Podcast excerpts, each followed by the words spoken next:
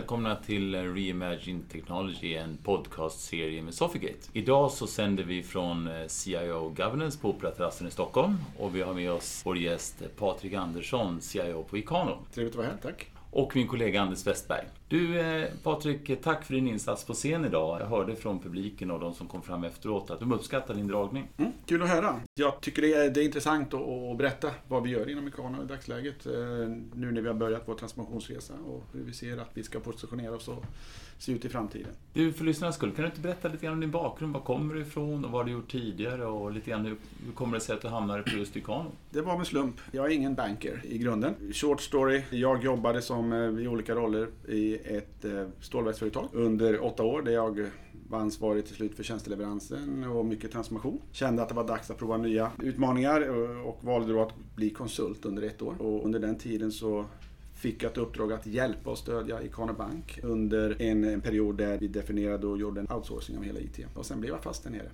Hur länge har du varit där? Jag har jobbat inom Ikano i tre år. Jag har varit fast anställd i ett och ett halvt. Du, när man säger Ikano så tänker man kanske lite IKEA. Hur mm. sitter det där ihop egentligen och hur börjar alltihop och hur ser det mm. ut idag? Vi, vi, vi kom ju ifrån samma grundare, Ingvar Kamprad. Men Ingvar delade på sin sfär, eh, där, där IKEA blev IKEA och det skapades något som heter Ikano Group. Och inom Ikano Group så finns det då Ikano Bank. Vi delar mycket i stort samma värderingar, samma syn på vår affär, eh, men vi är helt fristående. IKEA är naturligtvis en viktig partner för oss, men det är det som är IKEA Ikano i dagsläget. Och Ikano Bank då, vad är den exakta kärnverksamheten? Vad är det som ni så att säga, tjänar pengar på och vad är det ni fokuserar på och vad är er sweet spot? Vi har egentligen två stora delar, det är Consumer Finance och B2B, eh, Business to Business. Det är de två stora delarna vi har. Där vi primärt jobbar med eh, partners, retailers, såsom IKEA och eh, med leasing och factoringtjänster inom ramen för B2B. När du kom till Ikano, vad gjorde du de första hundra dagarna som anställd?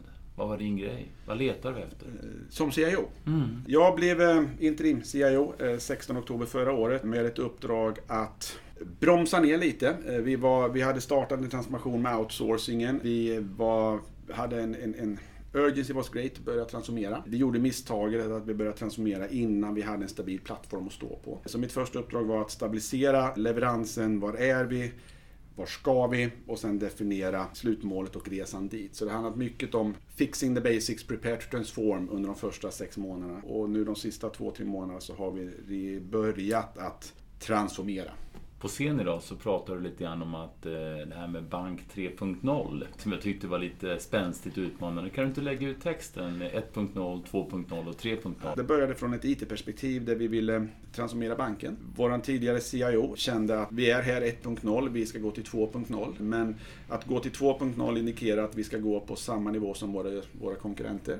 Vi ville sikta högre och hoppa över bank 2.0 och gå på 3.0 för att vara in front av våra competitors. Primärt så handlar det bara om teknik. Tidigare i år i januari så fick vi en ny CEO i Henrik Eklund som eh, kände att det här är en det är hela banken som ska transformeras, inte bara IT. Så bank 3.0 omfattade People, eh, Commercial och Technology. Och nu vill vi mer eh, branda det att vi bygger en ny bank such. Men det var tanken med bank 3.0. Att vara lite mer ambitiös och inte sikta på trädtopparna utan sikta på månen och sen får vi se var vi landar. Jag har en fundering då just kring det här som att det driver People, Technology, Commercial. Drivs det här på något sätt av att ni har sett någon eh, så att säga, input från era kunder? Att de förväntar sig en ökad eller bättre grad av någonting? Eller hur drivs det av Customer Experience till exempel? Ja men det är klart att det gör. Alltså, vi måste förbättra våra, alltså, hur vi interagerar med våra slutkunder eh, ifrån våra kanaler. Men tittar man på de här tre perspektiven så handlar det om att people är jätteviktiga att få med på transformeringsresan. Det är inte bara teknologi, alltså people och kulturen. Det var därför vi nämnde people och det var mer introvert. Mm. Commercial, eh, vi måste också ha ett kommersiell approach till det hela. Vi måste säkerställa att vi har, eh, vi har en fungerande verksamhet medan vi transformerar och bygga vidare på nya eh, produktofferings och teknologi som ska supportera dels transformering men också target state banken. Så det var därför vi hade de tre perspektiven. Mm. En liten följdfråga då, om man vänder på det internt, om man tittar på Employee Experience. Mm. Är det också någonting som ni ser att Ikano ska genom bra tekniska lösningar Mm. attrahera ung talang. Mm. Ja, vi har en ledstjärna, eh, Make Ikano a great place to work. Det handlar dels om, om de interna verktygen som våra medarbetare använder, men också alltså det är allt ifrån end user services till de verktyg vi har för att serva våra kunder och driva business. Alltså titta på inte så mycket Boyd och Generation X, men det handlar om device management, hur vi använder Office 365, video, Skype, möten, alltså allt det här nya som kommer. För att göra... Mobile first nämnde du. Mobile first är ju, är ju viktigt för oss naturligtvis. Vi, vi är en digital bank och alla våra tjänster, vare sig de interna eller, eller externa, ska ju vara, tillhandahållas digitalt. Helst på, alla har ju en padda, alla har en telefon. Man blir lite sugen på att- jobba på Ikano. Det är stor transformation, employee experience, en rätt så cool bransch. Mm. Hur ser du på ledarskap och medarbetare, Patrik? I transformation så är ett tydligt ledarskap extremt viktigt. Man kommer aldrig få saker och ting rätt ifrån början när man jobbar med transformation. Och här måste man vara en fantastiskt lyhörd eh, ledare anser jag. Att, att, att vara öppen för, för feedback. Att kunna göra spotchecks och verifiera att vi gör rätt saker.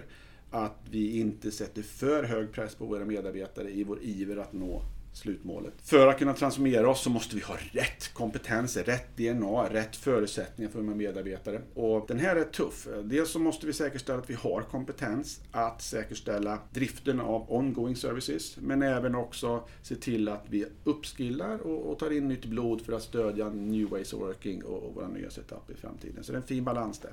Men ett, ett starkt och tydligt ledarskap som är lyhörd eh, anser jag är viktigt. Var hittar ni och attraherar ny personal någonstans? Vad är det ni letar efter? Inom IT, Mm. i och med att vi nu eh, går ifrån en klassisk IT-leverans och vill bli mer agila, där vi går ifrån projekt till produkt, där vi nu vill implementera inte bara agilitet men även ta nästa steg att implementera DevOps och en helt ny eh, arkitektur, så, så, så tittar vi efter just eh, kompetens inom domänarkitektur, business analyst, cloud-specialister, UX-designers, eh, de kompetenserna letar vi efter. Och vi är baserade nere i, i Malmö där vi har vårt huvudkontor och vi behöver eh, bredda, bredda vårt upptagningsområde för att hitta rätt kompetens och rätt talang i framtiden. Du, man blickar lite framåt och på scen så pratar du lite grann om att det finns ju såklart en backbone Mm. eh, med en del legacy, teknikskuld i den. Mm. Även om ni är ett ungt bolag och har gått online från början. Mm. Och sen introducerar lite nya plattformar. Och jag kommer ihåg att du sa att eh, på de lite äldre plattformarna så kanske man väljer mera gate-based. Och för Mm. de här lite nya teknologierna så vågar man gå mer agile och DevOps och så vidare. Kan Mm. du lägga ut texten hur du tänker runt de frågorna? Ja, vi sitter ju med, med, med en legacy, på gott och ont. Och vi vill transformera oss till en mer agil eh, organisation. Där vi vill sudda ut gränserna mellan business och IT.